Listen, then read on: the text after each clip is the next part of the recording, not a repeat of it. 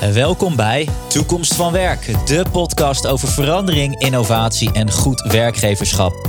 Ik ben Arjen Bannach, spreker en organisatiefuturoloog. En jij bent straks weer helemaal klaar voor de toekomst. Ja, beste luisteraar, welkom terug bij Toekomst van Werk, de podcast over hoe vernieuwingen in organisaties eruit moet komen te zien over hoe je goed werkgeverschap inricht.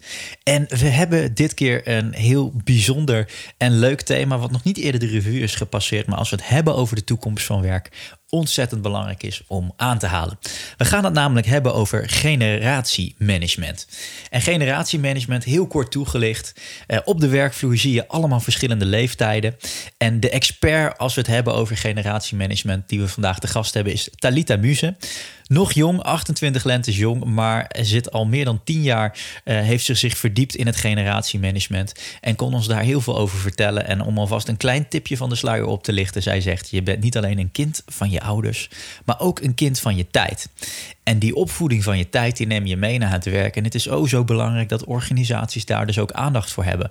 Wat vragen de wat oudere mensen nou precies van hun werkgever? Maar vooral ook, wat vragen de wat jongere mensen van hun werkgever? De millennials, Gen Z, die al een ontzettend groot uh, percentage van de gehele werkpopulatie beslaan.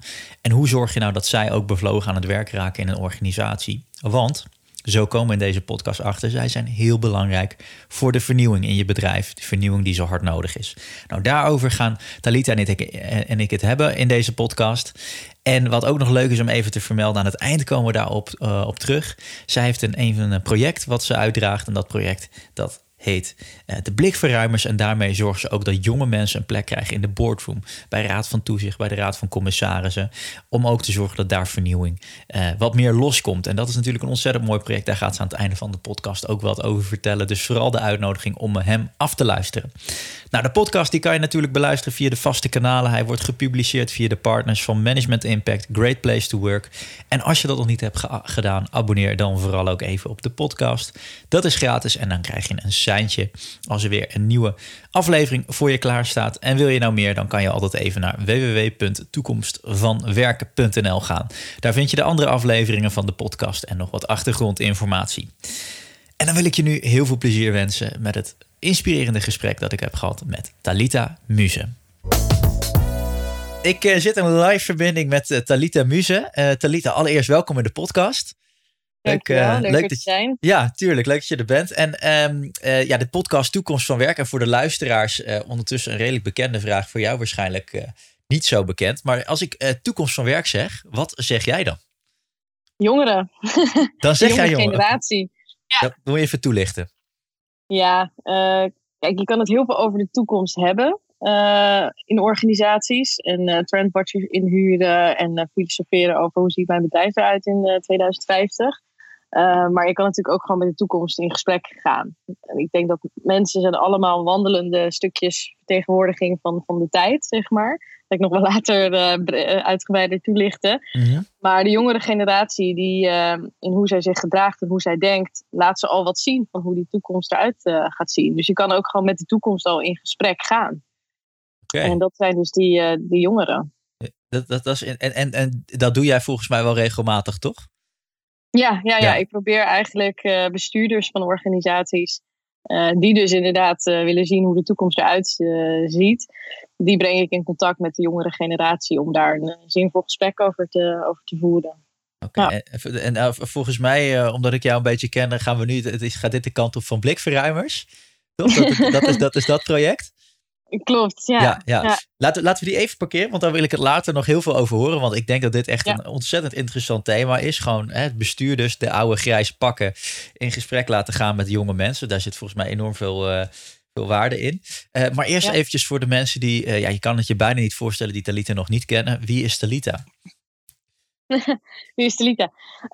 nou, ik ben ondernemer. Ik ben sinds mijn negentiende uh, eigenlijk uh, ondernemend bezig. En al mijn ondernemeractiviteiten die richten zich dus wel hè, op het mobiliseren van uh, de jongere generatie op maatschappelijke vraagstukken. Ik heb een aantal initiatieven voor opgericht, waaronder de Duurzame Jonge 100 en Energieboot. Nu de laatste drie jaar blikverruimers. Ik ben uiteindelijk afgestudeerd in, in generatiemanagement, zou je kunnen zeggen, bij bedrijfskunde. En heb er dus ook mijn expertise van gemaakt om, om organisaties te adviseren en te helpen de, de generaties binnen hun organisatie beter te herkennen en te duiden. En ook te begrijpen ja, wat zijn nou alle kwaliteiten van, uh, van verschillende generaties en hoe kan ik die beter inzetten in mijn, in mijn organisatie en voor de missie waar mijn organisatie voor staat. En dat doe ik als spreker en als, als adviseur. Dus soms kort, kort en krachtig met een, met een workshop, een lezing. En andere momenten ben ik langere tijd ook bij een organisatie aan het mee adviseren en meedenken. Dus het is een afwisseling van, van als ondernemer achter zelfstandige initiatieven staan, advieswerk en, en spreek en, en dagvoorzitterschappen. Dus dat is een combinatie van, van mijn werk. En persoonlijk, ja, privé, ik, ik woon in Rotterdam. ik ben vrijgezel. Kijk, belangrijk, jonge mannen op leeftijd ook altijd even, of dat mag je eigenlijk niet vragen aan een vrouw, maar dat we een beetje een indicatie hebben. Oh, hoe oud ik ben. Ik ja, ja. de leeftijdsgrens van. Uh, nee, ik ben, ik ben 28 jaar, dus ik ben een millennial, ik ben uit 91 en ik ben half Zuid-Amerikaans. En ja, Leuk. Sta dus lekker vol, vol in het leven en in het, in het ondernemerschap. Ja, ja. nee, want je doet ontzettend veel natuurlijk. Hey, en uh, laten we, laten we hebben, want ik had het net al, hadden het kort even over blikverruimers en de energieboot. Nou, dat komt misschien zo meteen ook nog wel even voorbij. Maar laten we eerst eventjes die scriptiebeet pakken. Want ja, uh, jij Hoe moest dat op... pijnlijke, pijnlijke nou, laat, Laten we zeggen het onderwerp van de scriptie, namelijk het generatiemanagement. Want dat is natuurlijk een, een heel interessant thema. Is ook nog nooit voorbij gekomen in de podcast. Maar waar je wel veel over hoort van joh, bestaat dat nou eigenlijk verschillende generaties? Moet je er apart aandacht voor hebben? Um, en, en hoe doe je dat dan? Maar eerst even de belangrijke vraag. Hoe kwam jij erop om, om, om met het generatiemanagement bezig te gaan als scriptieonderwerp? Ja, dat is uh, een hele goede. Dat was ook nog niet een uh, bestaand onderwerp eigenlijk binnen de hè, faculteit uh, Erasmus bedrijfskunde.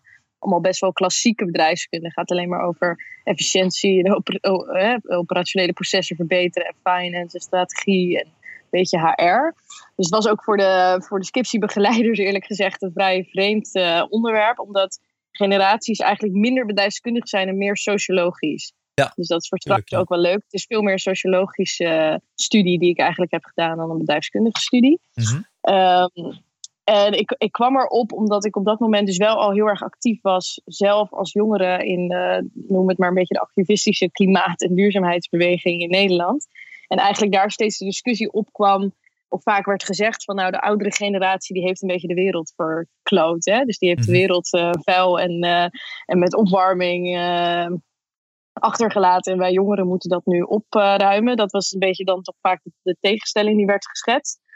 Uh, en toen dacht ik van ja, ik ben dus eigenlijk wel benieuwd hoe dat, hoe dat zit. Hebben nou jongeren heel andere idealen, andere overtuigingen, andere denkbeelden? Uh, gedragen wij ons dan zo anders? Nou, en toen op een gegeven moment toen, uh, kwam ook uh, bijvoorbeeld de brexit. En toen zag je heel duidelijk dat jongeren echt gewoon compleet anders stemmen daar in zo, op zo'n thema dan, dan de oudere generatie. Ja. En discussies over pensioen. Dus ik zag ook in de actualiteit allerlei debatten over waarin je echt een generatiekloof zag.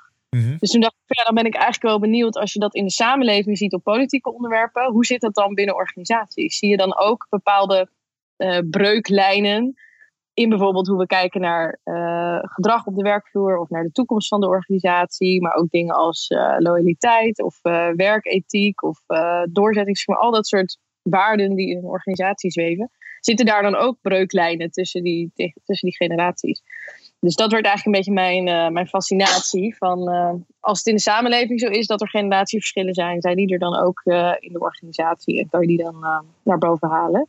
Ja. Dus toen ben ik dat eigenlijk een beetje dat meer het sociologische, maatschappelijke gaan combineren met een bedrijfskundige achtergrond. En, en ben ik generaties gaan interviewen voor mijn scriptie. Ja. Interessant. Hey, en en, en de, de, gedachte kwam dus uit, dit zien we in ieder geval in de maatschappij. Zien we dit een beetje voorkomen. Uh, jouw vraag, uh, komt het dan ook in de organisaties voor? Even in brede zin. Uh, komt het in de organisaties voor, dat verschil in generaties? Ja, het komt wel voor. Alleen ik denk dat het effect soms wat moeilijker te pakken is dan, dan op maatschappelijk, op, op, op maatschappijbreed niveau omdat uh, bijvoorbeeld onderzoek laat zien dat het komt echt naar boven bij hele grote aantallen mensen. Dus er wordt een, om zoveel jaar wordt er in Nederland een generatiestudie gedaan. Mhm. En er worden echt honderdduizenden mensen voor geïnterviewd over eigenlijk hun basiswaarden en overtuigingen. In de samenleving. En daarin zie je wel op die schaal van honderdduizenden mensen, zie je een soort generatie-effect naar boven komen. Dat de mensen die in de jaren zestig zijn opgegroeid, bijvoorbeeld individuele vrijheid de belangrijkste waarde in de samenleving vinden. Terwijl onze generatie bijvoorbeeld uh, inclusiviteit, dat iedereen betrokken wordt, uh, belangrijker vinden. Hm. Dus uh, hè, bijvoorbeeld individuele vrijheid mag niet ten koste gaan van dat we, dat we bijvoorbeeld met elkaar inclusief zijn. Ja. Nou ja, en dat soort tegenstellingen zie je dus echt op heel groot macroniveau naar boven komen in de samenleving. Ja, kijk, in een organisatie met tien man, dus ik sta wel eens voor een bedrijf met tien man, ja, dan zegt ze ja, maar die verschillen dat komt gewoon omdat uh, Pietje of Chantal gewoon uh, niet uit haar bed kan komen. Of uh, nou, die, in, in onze organisatie is de oudere gedraagt zich veel meer als een jongere en de jongere gedraagt zich hier is veel conservatiever. Dat is bijna een oudere. En dan wordt het heel moeilijk om nog te onderscheiden wat zijn nou de individuele karakterverschillen. Ja. Of de levensstatus waar deze mensen in de organisatie in zitten, of de cultuur van de organisatie, versus het generatie-effect. Dat generatie-effect komt het beste naar boven bij aantallen in de, in de duizenden. Ja.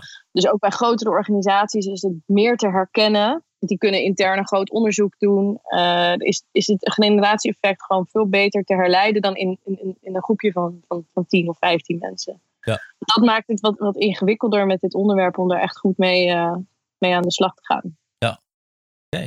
Oké. En even, even voor, de, voor de duidelijkheid, voor de luisteraar. Want ik kan me voorstellen dat hij denkt generatiedenken. En we hebben toch wel eens verschillende generaties de revue horen passeren. Kan je ons even een kleine opfriscursus geven welke verschillende generaties er ook alweer zijn? Ja, um, dat kan. Maar ik wil eerst nog even bij vertellen dat, uh, dat generatiedenken dus echt gaat erover dat je accepteert dat de tijd waarin je bent opgegroeid, dus waarin je bent geboren en waarin je bent gevormd, en dan vooral je vormende periode, dat is uh, tussen je twaalfde en je 25ste. Mm uh, dat, dat je door alle dingen die dan dominant zijn in de wereld, de cultuur, de politiek, de maatschappij, de gedachten over opvoeding, over de technologie die je gebruikt, wat je op dat moment op MTV ziet, ziet aan videoclips, überhaupt of MTV wel. Ja, precies. of ze nog zijn. Dat dat, dat, dat, allemaal dat soort subtiele factoren die je eigenlijk als vast aanneemt als je opgroeit en niet bij stilstaat dat zo de wereld in elkaar zit dat die wel vormend zijn. Dus dat je die tijd, zeg maar, als het ware in je, in je opneemt. En dat je dus niet alleen een kind van je ouders bent, zo noem ik het dan vaak, maar ook een kind van je tijd. Je bent een tijdsvertegenwoordiger. Um, als je dat accepteert, dan kan je dus zeggen van hé, hey, dan kan je verschillende generaties onderscheiden. En dan zie je bijvoorbeeld dat de generatie die geboren is tussen, uh, nou, in de Tweede Wereldoorlog, dus uh, neem van uh, 45 tot en met 60, dat wordt dan babyboom generatie genoemd. Ja. Dat is de generatie die, uh, of soms wordt die van 40 tot en met 60 getrokken. Dus die in de oorlog en net na de oorlog uh, is geboren. Nou, dat is een hele grote generatie die toen heel erg, uh, nou, ook de barricades zijn opgegaan voor, voor vrijheid. En Nederland helpen opbouwen. En allemaal ook hele emancipatiethema's. Dan heb je daarna de generatie X. Mm -hmm. Wordt ook wel de verloren generatie genoemd. Die loopt een beetje van 55, 60 tot en met nou, uh, halverwege de jaren 70 moet je hem. Dit moet ik gelijk erbij vertellen. Er zijn heel veel verschillende afbakeningen van die generaties. Ja. Dit zijn ze een beetje in grove lijnen. Dus babyboom, halverwege oorlog tot en met uh, jaren 60. Ja. Dan generatie X, die uh, ergens jaren 60 tot en met halverwege jaren 70 loopt. Nou, en dan heb je daartussen van 75 tot 90 hebben ze de pragmatische generatie geduid. Dus een iets kleinere generatie.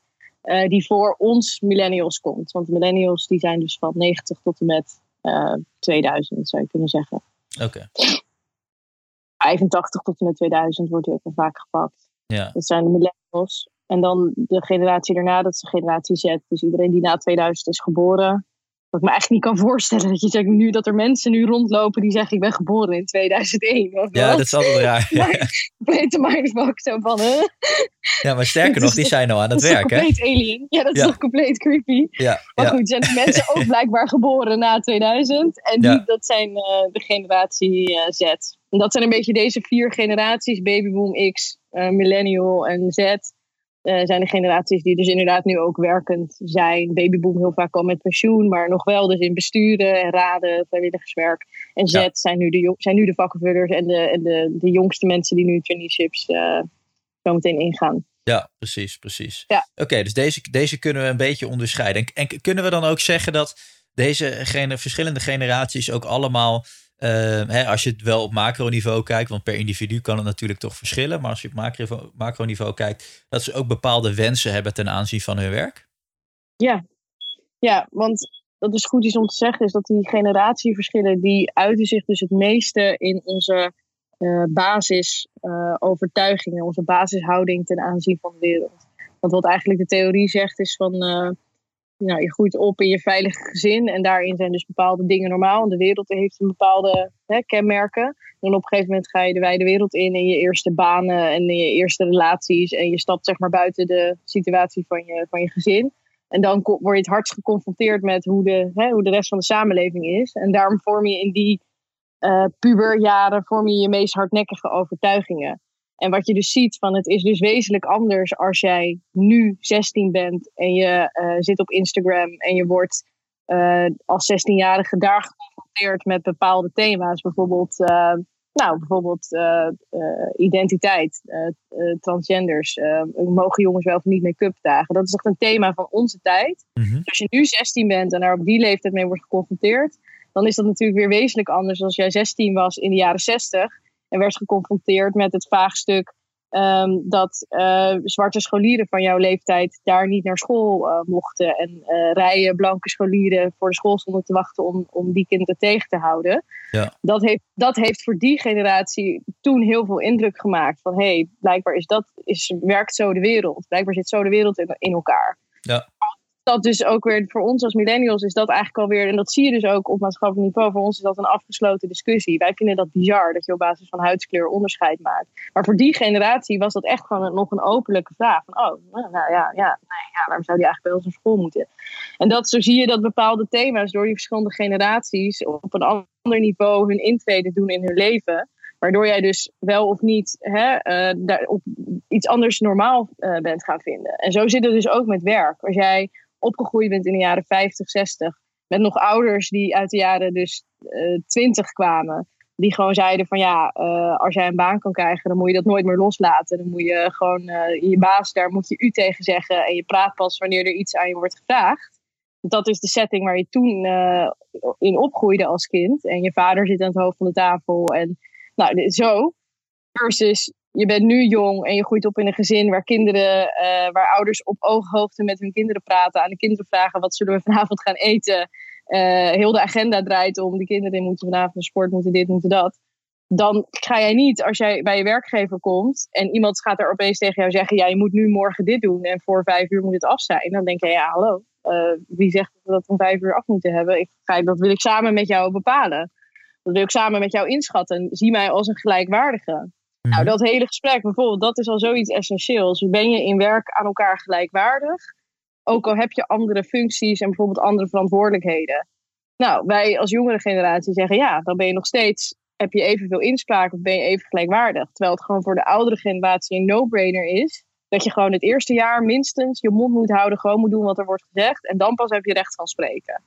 Nou ja, dat is, dat is echt. En dus op, het zit echt op dat soort um, basishoudingen en, en uh, waarden, daarin zie je die generatieverschillen het meeste naar boven komen. Oké, interessant. En, en dan kunnen we dus eigenlijk stellen dat um, de boomers, uh, generatie X, dat die nog um, een beetje dat, dat directieve, dat hiërarchische, dat paste eigenlijk heel erg goed bij die tijd. He, want daar kon je gewoon opdragen. En ja, zo, zo was de maatschappij op dat moment ook. Sterker nog, zo werd je ook gewoon opgevoed.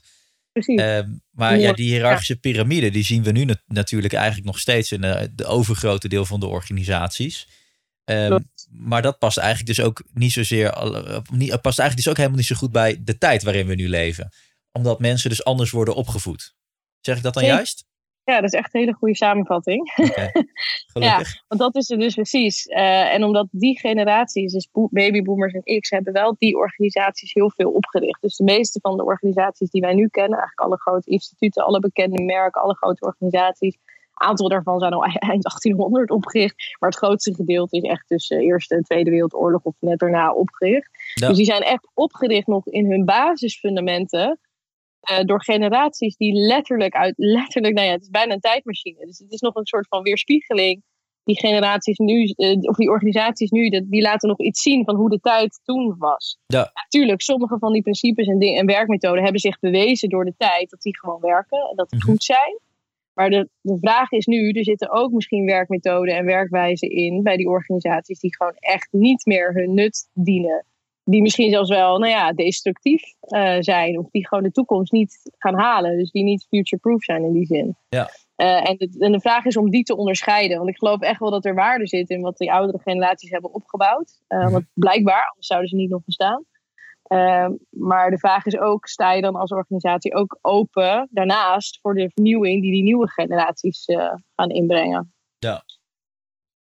En? Wat zie je over het algemeen? Staan ze daarvoor open?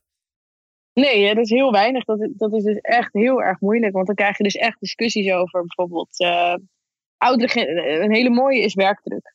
Oudere generaties die vinden dat zij vroeger echt tien keer zo hard werkten. Mhm. Dus je kan niet een soort, uh, en dat is dus vaak ook met generaties, er zit zoveel emotie omheen, dat het heel moeilijk is om een gesprek te voeren met elkaar hierover zonder dat het verwijtend over en weer wordt. Dus dan heb je bijvoorbeeld, uh, nou pas had ik een organisatie, een groot consultancybureau, de jongere en de oudere generatie met elkaar in gesprek over bijvoorbeeld werkdruk. Nou, de jongeren geven aan van we zitten echt in een ongekende malle molen waarin allemaal mensen uitvallen, burn-out klachten krijgen. De werkdruk ligt hier absurd hoog, terwijl het niet eens bijdraagt aan de kwaliteit van ons werk. En de oudere generatie die zegt van uh, ja, maar toen wij jong waren, dan moesten we wel uh, 500 klantcontacten per week doen. En jullie hoeven er maar 300. Dus we zijn al naar jullie standaarden verlaagd als jongeren. Dus eh, als het zo doorgaat, als we er 100 per week gaan doen, dan gaat deze tent failliet. Ja. en dat is natuurlijk dan een onmogelijk gesprek. Want in hun emotionele beleving werkten zij veel harder. Zij zeggen ook letterlijk: wij zijn sterker. Jullie zitten alleen maar op social media. Jullie hebben allemaal psychische klachten. Wij zijn gewoon sterker. Dus wij hebben iets in, in onze opvoeding misgedaan. Misge ja. Terwijl de, de waarheid van de, vanuit de jongere generatie is natuurlijk van ja, maar er is zoveel, zijn zoveel aspecten van werk nu bijgekomen. Waardoor het helemaal niet eerlijk is om die standaard van vroeger waarin dat ook waarschijnlijk alleen maar je enige taak was. Waarin je niet naar vergaderingen hoefde, waarin je niet in allerlei besturen en commissies hoefde te zitten, waarin je niet nog uh, online uh, met mensen in contact moest staan en nog naar events moest en dit en dit en dat. Dus dat is een oneerlijke vergelijking met het nu. Dat is wat je binnen organisaties heel vaak ziet, is dat mensen uh, iets wat normaal was uit het verleden gaan projecteren op de jongere generatie nu. En dan die lat uit van 30 jaar geleden er langs leggen en dan zeggen, ja, jullie voldoen niet. Jullie zijn een slappe generatie. Jullie, hè, dus waarom zouden we onze organisatie daarop gaan aanpassen? Uh, en dat is toch vaak de kramp. Er zit heel veel, toch veel emotie rondom dit, rondom dit thema. Ja. En daarom zie ik weinig organisaties die dat heel open durven, heel ontvankelijk zijn voor echt, echt te luisteren. Maar wat zegt die jongere generatie nou, nou eigenlijk? Ja. Hey, en, en, dit is op zich wel een mooi voorbeeld van het consultancybureau. Want dat is wel een partij die dus wel, uh, ondanks dat er een uitdaging ligt, ook wel gewoon uh, lokaliseert van hey, hier zit dus een verschil in die generaties. Dus laten we het de boomers X noemen tussen de millennials en Gen Z bijvoorbeeld. En die zeggen we gaan er aandacht aan geven. Dat um, wel, ja, zeker. Maar, maar, ik denk dat, dat dat wel een van de uitzonderingen is, of niet? Mm, ik zie wel heel veel groeiende aandacht hiervoor van veel bedrijven die dit wel zien, omdat ze okay. het gewoon ook terug terugzien in hun cijfers. Hè? Dus ze hebben gewoon ze zien hoog ziekteverzuim onder de, onder de jonge generatie. Dat, dat proberen ze, ja, dat proberen ze vat op te krijgen, maar dat lukt niet echt. Ja. Um, en wat ze ook terugzien is dus dat veel jongeren die binnenkomen dus heel andere verwachtingen hebben van het werk. Dus bijvoorbeeld verwachten dat het inderdaad dus heel flexibel is. Dat het heel democratisch is. Dat het heel, uh, heel erg is ingericht op een manier dat je veel feedback bijvoorbeeld krijgt. Dus niet één keer per jaar even een... Uh, voortgangsgesprek, maar eigenlijk iedere dag met elkaar omhoog en omlaag elkaar feedback geven. Ja. Uh, die verwachten dat de, dat de werkcultuur inclusief is. Dat je daar diversiteit aan achtergronden ziet. Uh, en niet alleen maar blanke mensen. Uh, die verwachten dat er duurzaamheid en zingeving is. Uh, en dat er meer wordt nagedacht proactief over, over gezondheid van medewerkers. In plaats van, nou ja, als het pas te laat is. Dus die verwachten gewoon bepaalde thema's in de organisatie. Ze verwachten iets te zien, iets aan te treffen, manier van werken. Mhm. En die treffen ze dan niet aan en dan, en dan vertrekken ze weer. Dus de, het, het verloop bij veel organisaties is ook heel groot. Is natuurlijk ook een beetje de afgelopen tijd economische tijd geweest. Hè? Dus misschien gaat dat nu wel ook veranderen. Een crisis waar we nu in zitten. Ja, ja. Maar wij hebben, het als, wij hebben het ook heel gunstig gehad op de arbeidsmarkt als jongere generatie. Dus we konden ook een beetje onze eisen als generatie uh, voor opstellen. En dat merken die werkgevers en daardoor proberen ze daar, uh, dat proberen ze te begrijpen. Ja, dus, dus ja. Hè, onder die druk oh, hè, bijvoorbeeld zeker van het uh, verzuim en het verloop, uh, ja. toch, we moeten hier meer aandacht voor gaan hebben. Ja, komt die aandacht ervoor. Ja. Ja, precies. Hè? Dan moeten we misschien of afscheid nemen van die hiërarchische structuur. Uh, en, en daar iets anders voor doen. Of in die structuur. En daar zie je ook prachtige voorbeelden volgens mij van in Nederland. Dat je toch voor al die prachtige punten die je net opnoemde. Dat je daar toch aandacht voor kan hebben. Nog steeds in die, in die, uh, in die directieve hiërarchie. Uh, ja. Oké, dat, dat, dat, dat, dat is heel interessant. En hey, ik heb wel eens gehoord, en, misschien kun jij dat ook beamen, um, dat um, millennials en Gen Z, dat dat nu al zo'n beetje de helft van de werkpopulatie bedraagt. Klopt dat ongeveer? Ja, klopt. Ja. ja want de millennials zijn een hele grote generatie. Dus um, dat, uh, wat er wordt mee bedoeld in de zin van dat ze in die tijdsperiode zijn er, uh, heb je bepaalde geboortegolven, net als de babyboomers na de Tweede Wereldoorlog blijkbaar zijn wij ook toen het allemaal welvarender werd, uh, jaren 90, onze ouders ook heel veel kinderen gemaakt. Dus er zijn een hele grote generatie in aanvallen, demografisch gewoon. Ja. Ja um, dus dat, dat heeft daarmee te maken. En dat gewoon, dus nu onze hele generatie, hè, die zit nu op de arbeidsmarkt. En uh, de babyboom is al eruit. Dus we zijn vertegenwoordigen gewoon een hele grote groep. Maar lang niet zo groot. In het Westen zijn wij nog steeds in die zin als jongeren een minderheid. Hè? Want onze de gemiddelde leeftijd in Nederland ligt volgens mij op uh, eh, 60. Hm. We zijn een zwaar verouderde. Uh, het is heel grappig als je gewoon even kijkt naar de. even tussenspoor, maar als je kijkt gewoon naar de demografie van Europese landen. Dan is dat zo, zeg maar. Dus deze vorm. Dus, um, een omgekeerde piramide. piramide. Ja. Dus echt, het gewicht ligt allemaal aan de bovenkant. Dus de grootste leeftijdsgroepen, dat zijn de 50-plussers, uh, 60, 70 plus. Dat is het grootste deel. En daaronder zitten zo de jongeren. Als je naar Azië kijkt, is het dus precies andersom. Er zijn echt gewoon landen waar 30, 40 procent van de hele bevolking onder de 20 is. Hm. Dat is bij ons echt dus het omgekeerde. Bij ons echt dat soort aantallen, dat zijn zeg maar de ouderen. En dat is gewoon heel erg interessant. Dat wij een hele, wij hebben een hele vergrijzde samenleving. Ja. Dat houdt denk ik ook stiekem, onbewust, heel veel uh, vernieuwing tegen. Ja. Als jij in je organisatie, uh, dus wij, wij zijn nog steeds ook in de samenleving een minderheid. Als jij in een land bent waar gewoon 40% uh, van je hele bevolking nog onder de 20 is en, en 70% onder de 30, dat dat ja. de opbouw is, ja, dan kan je dan met, met, met drie ouderen of zo die nog ergens werken in de organisatie, kan je nog wel proberen de oude structuur in stand te houden. Maar dan is gewoon het grootste deel van je organisatie is 20. Ja. En dat, ja. uh, dat maakt bij ons nu ook wel een heel erg verschil. Is dat wij tegen een generatie boven ons botsen. Die in de bestuurlijke en invloedrijke plekken zitten. En die ook echt de komende tien jaar nog niet gaan opgeven. Mm -hmm. En waardoor heel veel vernieuwing en verandering van onderop er ook nog gewoon simpelweg niet doorkomt. Omdat er letterlijk fysiek een laag mensen zit. Um, ja, die ook natuurlijk een recht hebben om daar te zitten. Maar ja, die van een andere generatie zijn. Ja, ja en, en, en ja, dat is natuurlijk ook een beetje mens eigen. Dat we, dat we liever altijd vast blijven houden aan het oude vertrouwde. Uh, ja. Dus juist de, um, hè, als je gaat kijken hogerop in de organisaties waar belangrijke beslissingen worden genomen ten aanzien van visie, vernieuwing, wat gaan, welke kant gaan we met elkaar op? Uh, ja. Dat zijn dus voornamelijk nog de oudere generaties. Hè, ja. Die dus een beetje nog top-down hiërarchisch te werk gaan. En ja, liever dat oude vertrouwde blijven doen en daardoor onbedoeld, onbedoeld vernieuwing tegenhouden. Ja. ja. Dat is, uh, dat, is, dat, is, dat, is, dat is een grote uitdaging. Um, uh, nog eventjes, want je hebt net een heel mooi rijtje opgenoemd als we het hebben over wat hebben de, de, de, jonge mensen, de millennials, wat hebben die nou eigenlijk nodig? Hè? Ze zijn een beetje democratisch, ze willen veel feedback, ze willen flexibel werk. Een stukje zingeving wordt steeds belangrijker. heb je ook van dat soort zaken die, die belangrijk zijn voor de oudere generatie, waarvan je zegt, nou dat willen zij graag in werk?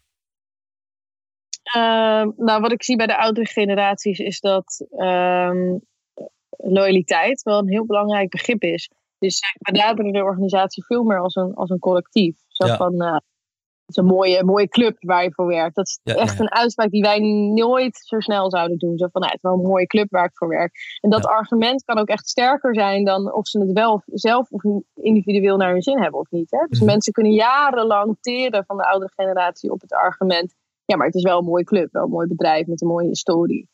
Dat zegt ons veel minder. Dus collectief, ja, collectiviteit is voor hen heel erg belangrijk. Uh, continuïteit. Dus het gevoel hebben van ja, ik draag bij aan iets wat nog na mijn tijd ook zal bestaan. Hè? Dus dat is veel meer dat ja. soort waarden. Ik, ik, ik, draag bij aan een continue uh, um, werkstroom, continue organisatie. In plaats van ik wil nu morgen een vet project doen en daar gelijk de impact van zien. Uh, dus veel meer uh, continuïteit. Um, het is ook, ook, de oudere generaties, vooral de babyboomers, zijn wat politieker. Dus die vinden het ook belangrijk dat je binnen een organisatie weet hoe de hazen lopen, de, hoe de lijntjes zijn. Uh, grote statements maken, grote visies, grote plannen. Ehm, echt een beetje lobbyen, belangen. Dat zijn allemaal woorden die, ja, dat, die, die, veel, die generatie ook denk ik veel gebruikt. Mhm. Ehm, maar kijk, het is oneerlijk om te zeggen dat die generatie bijvoorbeeld ook niet werk-privé-balans ook belangrijk vindt op een manier. Hè? Dus dat is wel. Dat iedere generatie uit die thema's op een bepaalde manier. Het is niet zo dat wij als jongeren de enige zijn die dat aankaarten. Mhm. Ehm, maar ik heb wel het idee dat de oudere generatie, dus echt vooral dat dat collectiviteit, van we doen dit gezamenlijk met elkaar, dat dat echt een hele belangrijke waarde voor ze is. Ja, mooi. Hey, en, en, nog, nog uh, even op dat, nog één vraag op dat verschil, want dat is wel interessant. Want ehm, het is natuurlijk ook heel goed mogelijk dat je dit dan niet krijgt in een organisatie. Dat bijvoorbeeld de oudere generatie het juist in een jonger bedrijf dat, dat gevoel van samen, van loyaliteit, van continuïteit niet heeft. Of dat jongere mensen in een oude generatie die flexibiliteit, die diversiteit niet hebben. Hoe reageren deze generaties op het moment dat het niet uh, aanwezig is in, in een organisatie? Mm, nou, het is wel grappig, want ik, zou, ik weet niet hoe het zit op het moment dat ouderen gaan werken bij een jongere organisatie. Dat zou eigenlijk wel een heel interessant onderwerp zijn om eens te kijken van wat gebeurt er als er ouderen gaan werken bij een Coolblue, waar de gemiddelde leeftijd 27 is. Ja. Uh, of bij een start-up. Hoe reageren zij dan op die, op die cultuur daar? Ik weet wel dat ze bijvoorbeeld bij Coolblue echt oudere managers naar binnen hebben gevlogen en oudere commissarissen om structuur aan te brengen. Dus ik kan me zo voorstellen dat zij het als een gebrekkige structuur ervaren. Van ja, wie, hier, wie is hier nou de baas? Wie rapporteert hier aan wie? Waarschijnlijk is dat de eerste vraag die dan wordt gesteld. Van, wie rapporteert hier aan wie? Ja. Ehm, ik denk dat dat voor hen heel erg belangrijk is. Structuur, proces. Uh, hoe is dat ingericht? Um, de jongere generatie in een, in een oudere uh, omgeving, ja, die zal dus veel meer uh, afvragen van oké, we hebben alles helemaal georganiseerd. Misschien zelfs wel overgeorganiseerd. Dus als je een pen uh, wil lenen of zo, dan moet je een formulier in, invullen bij facilitair. En dan duurt dat drie dagen. Zo van, nou, oké. Okay.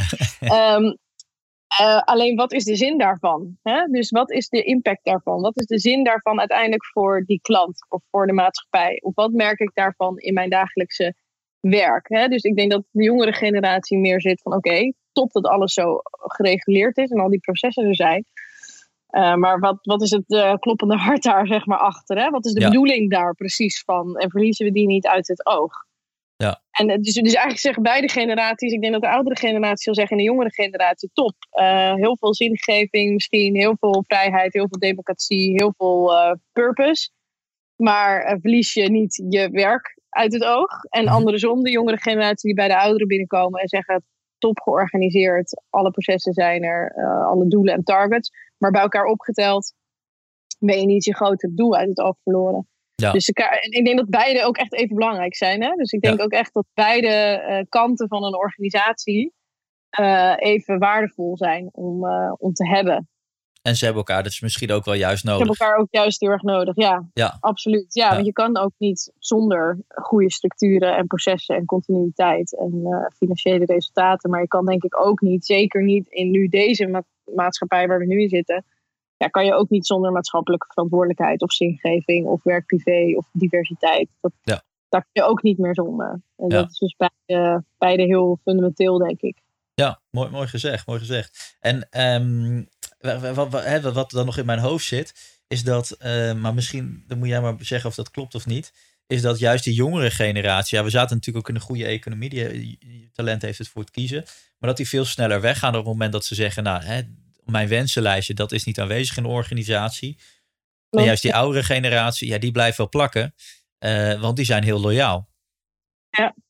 Dus daar zit ook een verschil in hè, als je het omgaat met, met, met, met de wensen. Kijk, misschien zit het in je oude organisatiestructuur, cultuur zitten die wensen van de boomers en de X'ers, die zitten daar nog wel vertegenwoordigd. Maar ja, als je, als je niet het wensenlijstje van die jongere mensen hebt, ja, dan gaan ze weg.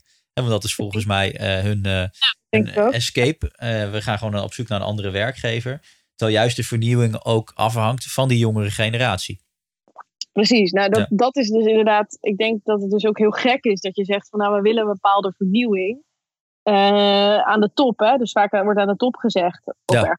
Strategie of in ieder geval management, uh, bestuur, uh, die zitten ergens zo van, ah, die zijn vooral bezig met de thema's van de toekomst en we willen vernieuwing en we willen dingen anders, we moeten meer waarde gedreven worden, et cetera, et cetera.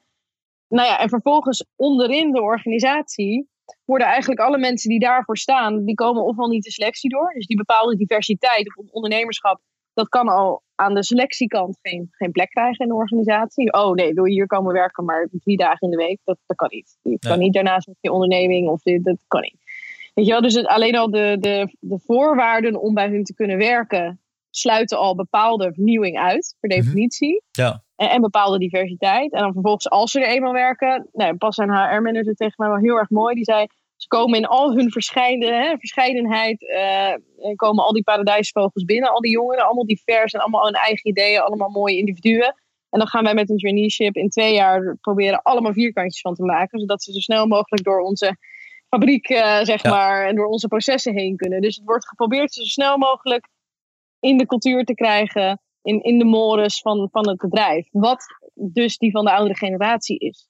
In plaats van hen te vragen, jullie zijn helemaal fris, jullie zijn helemaal jong, jullie komen met al je diversiteit binnen, hoe zou je hier de tent inrichten? En daar krijg je ook je, daar krijg, daar krijg je gewoon uh, vrije hand in. Ja. En, uh, en dat is, maar, en, maar dat is heel eng, want nee, je gaat natuurlijk niet nieuwe jonge mensen die niks weten net van de studie komen, ga je niet aan belangrijke beslissingen laten sleutelen. Laat ze eerst maar even vijf jaar inwerken en als ze dan weten hoe het hier werkt, dan mag je wat zeggen. Ja. Ja, dat is natuurlijk heel gek dat we dat met elkaar doen. En dat je dan vervolgens aan de top je afvraagt: hé, hey, maar waarom is er helemaal geen diversiteit en vernieuwing? Nee, omdat je aan de onderkant zit je gewoon dat allemaal eruit te slaan. Ja. Ja, dat is heel, eh, vind ik altijd heel fascinerend. En dan moet een externe consultant of een externe rapport of zo, of een trendwatcher, moet daar dan een oplossing in bieden. Terwijl de oplossing ligt bij gewoon het in waarde laten van de diversiteit die al onderop in je organisatie naar binnen komt. Dat is het eigenlijk. Ja, Mooi gezegd. Hey, en, en, en dat is uiteindelijk waar, uh, that's where blikverruimers komt in, zou kunnen zeggen. Ja. Of niet? Want, uh, want hier, hier uh, doen jullie wat aan, toch? Of niet? Kan je dat even toelichten, blikverruimers? Want het is een prachtig, prachtige beweging die eigenlijk hier ook voor is. Ja, ja klopt. Um, nou, blikverruimers is drie jaar geleden begonnen, omdat ik zelf toen in de Raad van Toezicht zat bij een organisatie. Mm -hmm. En toen eigenlijk dacht van, hé, hey, waarom uh, zitten er ja, jonge commissarissen, jonge toezichthouders, die zie je gewoon nooit. En zou dat niet een hele geschikte plek juist zijn, omdat je als toezicht het bestuur ook adviseert. Dus dan heb je dus echt over de langere lijnen van de organisatie, over de strategie, over de toekomst, over de cultuur, over al die dingen. Zou je niet daar juist, als je inderdaad wil vernieuwen als organisatie, zou je daar dan ook niet dat vernieuwende geluid moeten, moeten organiseren? Ja, en dat kan je dus doen door de jongere generatie daar een, eh, een stem in te geven in die besluitvorming. En zo is dat platform tot stand gekomen. En nu inmiddels zijn we drie jaar verder en hebben we meer dan 100 jonge professionals opgeleid, zou je kunnen zeggen, of begeleid om zo'n plek te machtigen in een raad, in een raad van commissarissen of een raad van toezicht. Mm -hmm. En hebben een opleidingsprogramma gemaakt om ook hen erbij te helpen. Want aan de ene kant moeten ze zo fris mogelijk daar gaan zitten. Aan de andere kant moet je ook weer weten wel wat, wat daar gebeurt. Wat de, wat de setting is waar je in terecht komt. En hoe je daar zo effectief mogelijk ook weer je stem kan laten horen. En dat is ook een gekke balans. Want aan de ene kant wil je zo bleu iemand mogelijk erin zetten. Want dan maak je de meest scherpe analyses waarschijnlijk. En de meest treffende opmerkingen. En dan heb je echt de, de meest frisse blik. Ja. Aan de andere kant ben je dan misschien ook uh, minder effectief. Omdat er dan heel veel dingen langs jou heen besloten worden. Of heel veel dingen langs jou heen gaan. Omdat je simpelweg niet niet weet, dan ben je misschien meer een soort gimmick. Dan dat je dat werkelijk mee kan beslissen en, en stevig daar staat om mee te, uh, mee te doen. Dus dat is een beetje de balans die we proberen te zoeken. Van aan de ene kant hele frisse mensen, en aan de andere kant ook mensen die uh, geslepen genoeg zijn, zeg maar, om daar niet alleen maar de, de jonge persoon te spelen, maar ook echt uh, impact te maken. Ja. Hey, en, wat, is, wat, sorry. Ga door. ja, Een verandering top-down. Dus in die zin is dat nog niet die verandering aan de onderkant. Want al die jongeren die die organisatie ook gewoon binnenkomen in hun normale functies. Ja. Die moeten ook geholpen worden. Of die moeten ook uh, in hun kracht worden gezet. Dat is een term. Ja. um, en dit, onze aanpak via blikverruimers gaat nu wel top-down. Dus het is eigenlijk heel gek, want eigenlijk pakken we een hele babyboom methode. Namelijk je verandert de organisatie top-down via de raad van bestuur, via de raad van commissarissen. Ja. En daar zetten we jongeren in. Dus het is een, het, het is een gekke, uh, een gekke filosofie in die zin. Ja. Maar het heeft volgens mij wel effect, toch? Want je, je krijgt wel een beetje beweging en je haalt die jonge kijk op, op, op het leven, op de wereld, op de maatschappij, die haal je wel de boardroom in. welke welke, nou welke resultaten krijg je daar een beetje op? Wat, wat hoor jij zo terug? Nou ja, dus, dus dat is het doel eigenlijk. Dat je daar dat de botsing krijgt. Hè? Dus dat je daar gesprekken op gang brengt. Uh, Doordat je iemand toevoegt die, uh, die een jonge ondernemer is en een heel andere levensfase zit. En dus een andere generatie vertegenwoordigt. Dat die dingen opmerkt. Dat hij bijvoorbeeld zegt van ja, oké, maar uh, we willen duurzamer. en we zijn bezig met ons mobiliteitsbeleid. maar de directie lijkt, rijdt nog allemaal. Die, die vallen buiten het mobiliteitsbeleid. En dat is heel vaak zo. Heel veel organisaties valt dan directie of management. Die hebben alle vrije keuze in welke auto's kiezen. En die rijden dan rond in een Porsche, zeg maar. Weet je wel? Dus dan, en dan, dan gaat het gewoon ook echt simpel over dingen als van... Ja, wat is het voorbeeldgedrag wat onze leiders in de organisatie laten zien? Dat is echt iets waar jongeren heel goed op... Die, die willen dat daar veel consistenter naar wordt gehandeld. Weet je wel? Waarom zitten we bij de directie zeg maar vlees uh, te eten bij iedere vergadering? Dan gaan we op een externe locatie ergens uh, zitten vergaderen in plaats van in de organisatie. En dat is het heel erg merk ik dat de jongere toezichthouders of commissarissen heel erg gedrag en cultuur heel belangrijk vinden. Van maar wat we zeggen, practice what you preach, weet je wel. Hoe doe je het nou zelf in je eigen leven en hoe kan je daar een voorbeeld zijn als, als leider in je organisatie? Ja. En dat wij jongeren ook veel verder in zijn, omdat wij um, daar misschien wat experimenteler ook in zitten in ons mhm. leven het proberen van hé, hey, maar ik, ik wil dit, ik wil mezelf ander gedrag aanleren of ik wil mezelf een andere routine aanleren, daar ga ik mee experimenteren. Daar lezen we blogs over en video's en dit en dat. Ja, voor de oudere generatie is dat, uh, wordt al 30 jaar, maakt een vrouw gewoon een boterham klaar als ze naar, als ze, als ze naar ja, nou, serieus, ja, ja. ja, weet je, was wel zo'n Bilderberg-conferentie en dan zitten gewoon de topbestuurlijke oude mannen van Nederland te praten over welke boodschappenauto ze voor een vrouw gaan kopen met de kerst, weet je wel? Want dat je echt zegt van, ja, het is echt een ander denkbeeld ja, dan is het gewoon heel goed als er jongeren tussen zitten, weet je wel. Die, en en dat, dus dat gaat over, over duurzaamheid, maar niet alleen daarover. Dat, dat gaat ook dat, eh, over werk-privé-balans, over al die thema's waar we het net over hadden, die brengen zij dan de, de, de boardroom in. Nou ja, bijvoorbeeld een hele simpele is een jongere die we spraken, die um, partner is bij een, uh, ook bij een consultancy, een advocaatkantoor. Nou, en daar had de Raad van Commissarissen die had gevraagd aan de nieuwe jonge partners, van, uh, die allemaal in de dertig zijn, om um, om te komen pitchen voor de Raad van Commissarissen om hun visie te komen presenteren over hoe zij de toekomst van de organisatie zien.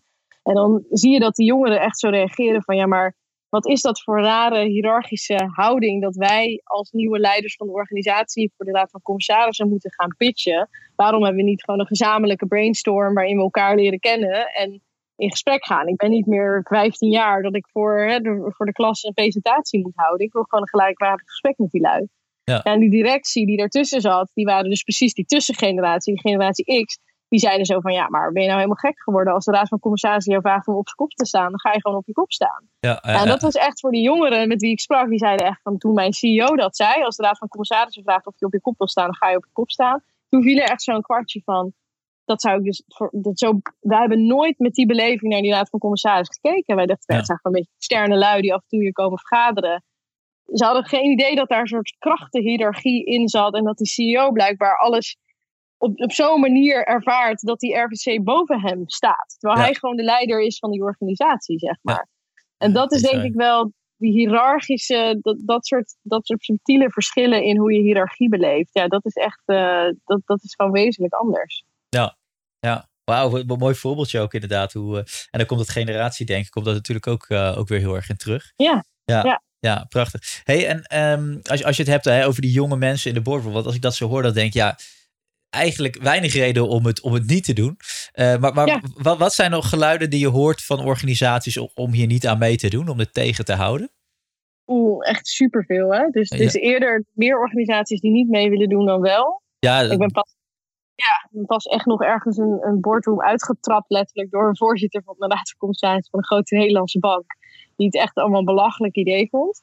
Dus die zei echt van, uh, ja, en uh, je denkt toch niet dat jij uh, op deze leeftijd een serieuze gesprekspartner kan zijn voor, voor mijn commissarissen. En jongeren horen gewoon heel hard te werken in de organisatie. En als ze echt zo goed zijn als je zegt en zo inspirerend, dan wil ik ze gewoon aannemen. Dan wil ik dat ze voor mij komen werken, maar dan wil ik niet dat ze met mij gaan werken. Hè? Dus die zat er echt zo in van, ja, Oké, okay, wow. Yeah. Vond het bijna ongezond. Ja, hij vond het ook bijna ongezond. Van, hij zei van dat je een ongezonde obsessie hebt met, uh, met, met de top en met het bestuur. En uh, als je jong bent, hoor je juist uh, in, in de kracht van je leven keihard te willen werken voor de club. En niet te willen mee gaan zitten babbelen over allemaal saaie dingen. Zoals de strategie en de financiën en de, en de allemaal bestuurlijke onderwerpen. Dat is iets voor als je meer reflecterend terugkijkt op je bestuurlijke leven. Nou ja, ik zat daar echt van. Huh, maar ja, weet je, dat, zeg maar, zij, zij vatten hun rol ook echt letterlijk. Zij zeggen ook letterlijk: alleen als jij verantwoordelijk bent geweest, zelf individueel, voor een omzet van 1 miljard en uh, eh, 20.000 mensen in 200 landen hebt aangestuurd, dan uh, mag je weer terugkomen. Als je dat op ja. je cv hebt staan, dan gaan we weer in gesprek. Zolang je dat niet hebt gedaan, is het gewoon niet relevant. Heb aan mij niks relevants te vertellen. Dat was gewoon echt letterlijk wat hij zei.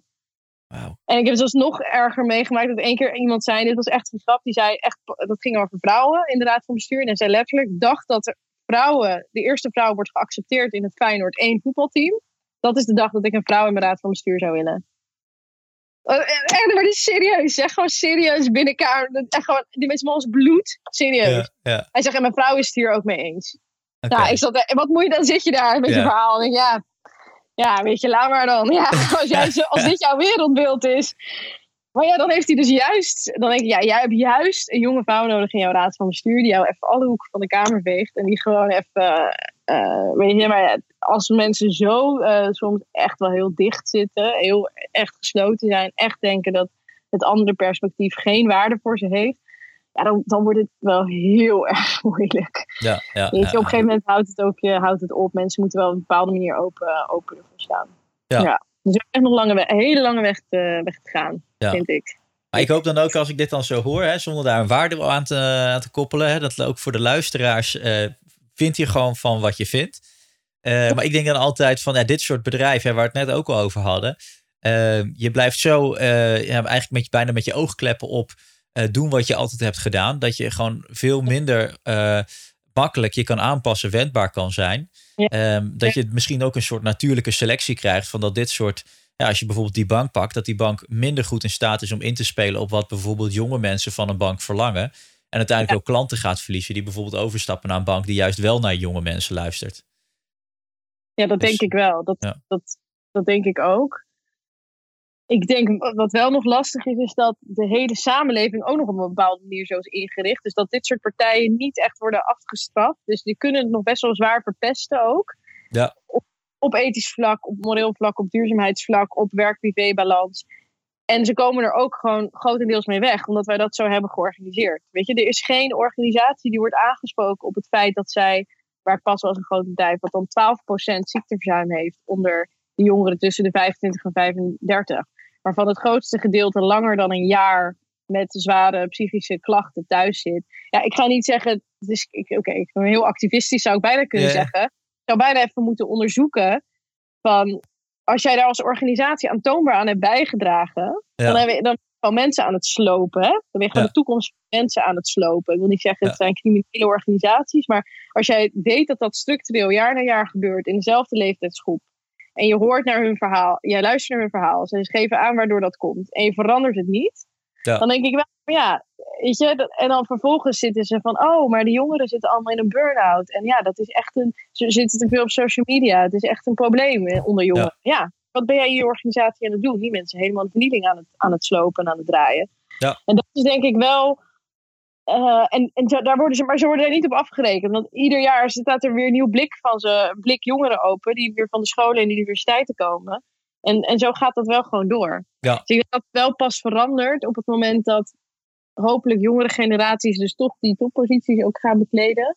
En hopelijk dan niet al hun frisheid en uh, uh, ja, hun, hun, hun kracht als generatie zijn verloren. Doordat ze zo in dit systeem want dat is het probleem. Hè? Die jonge mensen die komen bovendrijven in dit soort type organisaties, in die hele hiërarchische culturen. Ja, dat zijn de jongeren die zich daar het beste aan hebben aangepast. Mhm. Dat zijn per definitie natuurlijk dus nieuw.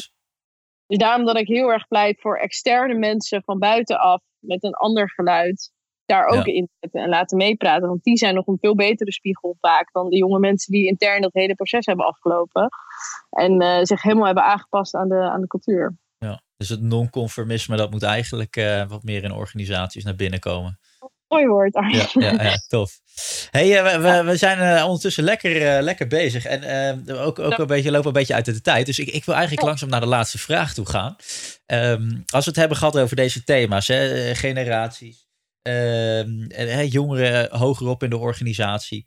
Heb jij nog iets van een mediatip? Dus een, een boek, een podcast, een, een, een film, een serie. Iets wat we gezien, gelezen, geluisterd moeten hebben. Waarvan je zegt, nou dat is interessant. Of het heeft jou geïnspireerd. En dan binnen het thema generaties. Nou, als je zo 1, 2, 3 niet iets kan verzinnen, mag het natuurlijk ook iets anders zijn. Mm, ik zit even te denken wat nou echt binnen dit thema tof is.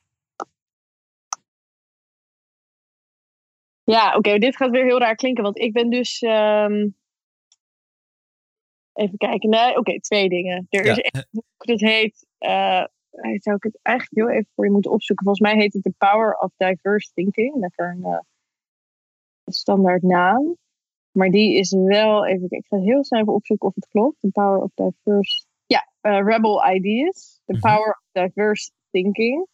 Dat is wel eigenlijk een boek wat echt de case voor diversiteit. Eigenlijk, het is echt heel hard, maar ze beginnen het boek met dat 9-11 uh, voorkomen had kunnen worden als de CIA meer diversiteit in de organisatie had gehad. Als zij zeg maar moslims in de organisatie hadden geaccepteerd, dat daar, want zij hadden echt een echt bijna racistisch beleid dat moslims daar niet worden aangenomen binnen de, binnen, binnen de CIA, binnen de FBI, binnen iedere vorm van intelligence worden bepaalde godsdiensten echt gewoon geweerd. Mhm. Als ze die aan boord hadden gehad, hadden ze veel beter die gemeenschappen kunnen observeren, veel beter begrepen welke signalen er al lang waren. Dat is natuurlijk altijd achteraf zeggen. Ja het is een hele harde eerste hoofdstuk wat hij schrijft. Gewoon van nou, al het onderzoek ernaar, naar 9-11 wijst gewoon uit dat er een soort groupthink was. Maar daar continu signalen niet werden opgepikt. En wat uiteindelijk heeft geresulteerd in dat, doordat die signalen niet op tijd werden behandeld, uiteindelijk iemand daar die torens in kon vliegen. Ja. het is een heel hard statement, maar volgens gewoon een waanzinnig goed boek wat uitlegt hoe groupthink ontstaat als er gewoon niet genoeg een verversing van ideeën is. En dus echt gewoon een heel sterk pleidooi schrijft voor, uh, voor diversiteit. Ja. En ik vind, ik vind het goed, omdat soms moet je het ook wel zo hard stellen, denk ik. Hè? Ik denk dat je moet durven afvragen. Hadden we uh, bepaalde eh, schandalen van, van banken of een financiële crisis of bepaalde situaties die je bij bedrijven ziet ontstaan? Weet je, had VND nog bestaan als er een jongere daar in het bestuur had gezeten? Weet je wel? Had, mhm. En ik denk dat, dat altijd achteraf kijken, maar ik denk dat je als organisatie je wel moet, die vraag wel ook moet, moet durven stellen. Van heeft de samenstelling van mijn groep mensen aan de top niet fundamenteel echt iets te maken met bepaalde zwarte, hè, met bepaalde blinde vlekken die we hebben. Ja. En, en, en ik denk die link leggen is, uh, is, is een beetje confronterend en schurend, maar wel heel erg goed. Dus dat boek zou ik, zou ik willen aanraden. Tof. Power of Diverse Thinking. Rebel Ideas. Cool. Nemen we die mee. En dat is dat een mooie tip nog voor mensen als, als ze verder willen luisteren. en dan hartstikke bedankt voor je, voor je inspiratie, Talita. Ja, ook bedankt. Leuk.